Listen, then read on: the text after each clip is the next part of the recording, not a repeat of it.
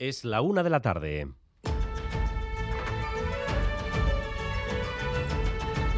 Crónica de Euskadi con Dani Álvarez. A Ratzaldeón, el gobierno vasco va a tener que mover ficha en el pacto educativo. Este mediodía ha dado su versión de la historia el Partido Popular, el que recibió la oferta de Azpiazus sobre la concertada, que en realidad era una oferta de segunda mano, pero que ha molestado a Podemos Izquierda Unida y a EH Bildu. Laura Garrido también exige al Ejecutivo que se aclare. No serio que en un planteamiento en el que nosotros planteamos una serie de demandas se nos ofrezca como una posible propuesta programática y de contenido para, para introducir en los presupuestos algo que se ha reconocido que está, que está ya incluido en los propios eh, presupuestos del ejercicio 2023. Solicitaremos una aclaración expresa una aclaración expresa que se podrá dar el próximo martes, porque la negociación presupuestaria entre el PP Ciudadanos y el Gobierno vasco, según Laura Garrido, se mantiene viva. Una de las columnas vertebrales del pacto educativo es el tema de los conciertos.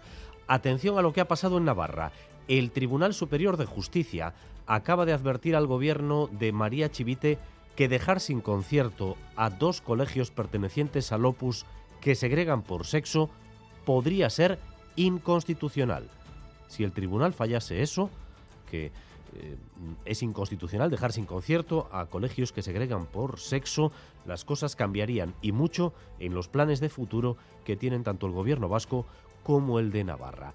Además, el gobierno vasco se muestra partidario de reformar la ley del solo sí es sí. La consejera Artola Zaval lamenta que se estén aprovechando resquicios para rebajar condenas y en línea con lo que ya apuntó ayer su partido, el PNV, propone cambios que taponen esas vías. Asistimos ante la sorpresa y la incomprensión al indeseado efecto de la aprobación de la nueva ley conocida como la del solo sí es sí.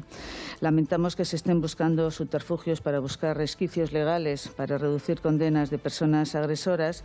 Es necesaria la aplicación, la revisión de esa, de esa norma para revisar eh, qué es lo que está permitiendo que se produzcan estas situaciones y, si es necesario, su revisión. De momento, Euskadi es uno de los pocos lugares en los que no se ha dado aún ninguna rebaja de condena o excarcelación por delitos contra la libertad sexual pero parece cuestión de tiempo. Las miradas ahora mismo se están dirigiendo a la vicepresidenta Yolanda Díaz, que ha guardado silencio sobre el tema y no es casualidad, porque el problema afecta directamente a Unidas Podemos, a Irene Montero. Acaba de hablar Yolanda Díaz, enseguida la escuchamos. Y en Santurci, el ayuntamiento y el gobierno vasco homenajean a esta hora a los niños y niñas de la guerra que fueron evacuados hace 85 años hacia la URSS y el Reino Unido. Allí se va a descubrir una estatua de recuerdo a aquellas personas que crecieron y vivieron lejos de sus casas por la guerra y el franquismo. Y Manuel Banterola, adelante. Flori, Iluminada, Villori y Manol, y así hasta 30.000 niños y niñas que hace 85 años tuvieron que huir al exilio. Algunos de ellos, unos 10.000, lo hicieron además a muy pocos metros de aquí, desde el puerto de Santurci, en el barco Habana. En estos momentos se está realizando este homenaje por el 85 aniversario, un acto encabezado por el Endacari Urcuyo, donde escucharemos también el testimonio de aquellos que tuvieron que ser evacuados. En breves minutos, una escultura aquí en el puerto va a ser descubierta que inmortalizará aquel episodio de la historia de nuestro país.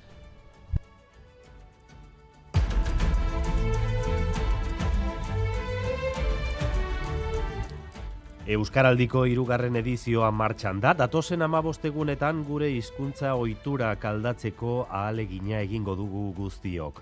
Hau bizi, ala belarri pres rola hartutan norberak bere konpromezu hartuko du Euskarak gure bizitzako esparru guztiak bete ditzan. Nere kasuan, belarri prest izango naiz. Kalean, txapen festa hasi da. Belarri prest. Aurrekoan zaitu nintzenean, hau, hau bizizaten, hau ez egunez, ez nintzela kapaza izan. Pentsatu izan dut aurten, ba, erabaki bat hartzen bali madut izatea guzti izan egiteko eta ez erdizka. Kordobakoa naiz, belarri prest. Ba, ni e, Euskara hitz egin nahi dut. Orduan, oportunidad ona e, e, niretzat hau bizi. Hizkuntza aurrera botatzeko ba, kanpaina hon bada eta pasotismoa lagatzeko alde batera eta parte hartzeko. Y en el Congreso de los Diputados, el Partido Popular que intentaba tumbar al ministro Marlasca por lo ocurrido en el paso de Melilla finalmente ha dado marcha atrás y ha salido al rescate de la Guardia Civil al votar no a la comisión de investigación. Izaro Bazada. Sí, por segunda vez PSOE y PP han tumbado la creación de una comisión de investigación de los sucesos de Melilla en el Congreso, aunque el PP al principio se mostraba favorable a la creación de esta comisión, finalmente ha votado en contra en la Junta de Portavoces extraordinaria de hoy. La razón, primero el ministro debe comparecer, después darán los pasos correspondientes. El ministro del Interior, Fernando Grande Marlasca, comparecerá ante la Cámara el próximo día 30 de noviembre. Y en Pasaya esta mañana se ha procedido al rescate del, bar, del camión de basura que ayer cayó al mar. Ha sido una operación que ha salido bien, pero que ha sido bastante espectacular. Laida Basurto, adelante. Sí, un buzo venido desde Galicia lo ha enganchado a unos 6 metros de profundidad y una grúa ha sacado ese camión pequeño de la basura. Una operación que ha durado aproximadamente una hora. El carretero es responsable de la Policía Portuaria de Pasaya. La retirada del vehículo desde que ha llegado la grúa ha sido rápida. Pues ahora nos dicen que tiene que estar el vehículo aquí estacionado durante un tiempo, que se investigando lo que ha sucedido. El pequeño camión precipitado tenía 15 años de antigüedad y no era la primera vez que le fallaba el freno de mano. Afortunadamente no había nadie en el interior. El puerto de pasajes activó un protocolo anticontaminante por el gasoil que pudiera verter, pero la contaminación ha sido mínima y el compositor vizcaíno Fernando Velázquez, autor, entre otras muchas composiciones de esta sintonía que suena de fondo, ha ganado el Grammy Latino al mejor arreglo por la canción El Plan Maestro de Jorge Dressler, que ha sido, por cierto, el gran triunfador de la noche con siete galardones. También ha sido premiado en Las Vegas el compositor navarro Pablo Rus por la canción Tacones Rotos del colombiano Sebastián Yatra. Rosalía se ha llevado cuatro premios, entre ellos el del mejor álbum por Motomami. Y en música urbana ha destacado Bad Bunny con cinco premios. Hablaba así en Radio Euskadi Fernando Velázquez.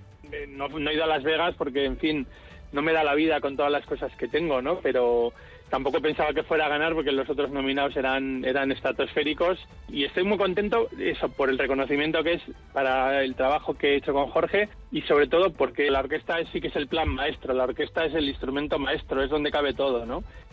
Vamos también con lo más destacado del deporte con Álvaro Fernández Cadierno. Arrachaldeón, Álvaro. Arrachaldeón en un fin de semana intenso con la final del cuatro y medio de los derbis. Arranca hoy también el Mundial, arranca el domingo. Bueno, pues hoy tenemos Euroliga a las 7 de la tarde, Mónaco-Basconia. Además se juega en el Tenerife Araski de baloncesto femenino y el Barcelona Anaitasuna en balonmano. Como casi siempre que hay lluvia, hemos tenido una mañana con muchísimos problemas en las carreteras. Ahora mismo, según el Departamento de Seguridad, en la Vizcaya 2704, en Urduliz, sentido Plencia, un vehículo se ha salido de la carretera y la Erchancha regula el tráfico en ese punto. Urduliz, sentido Plencia.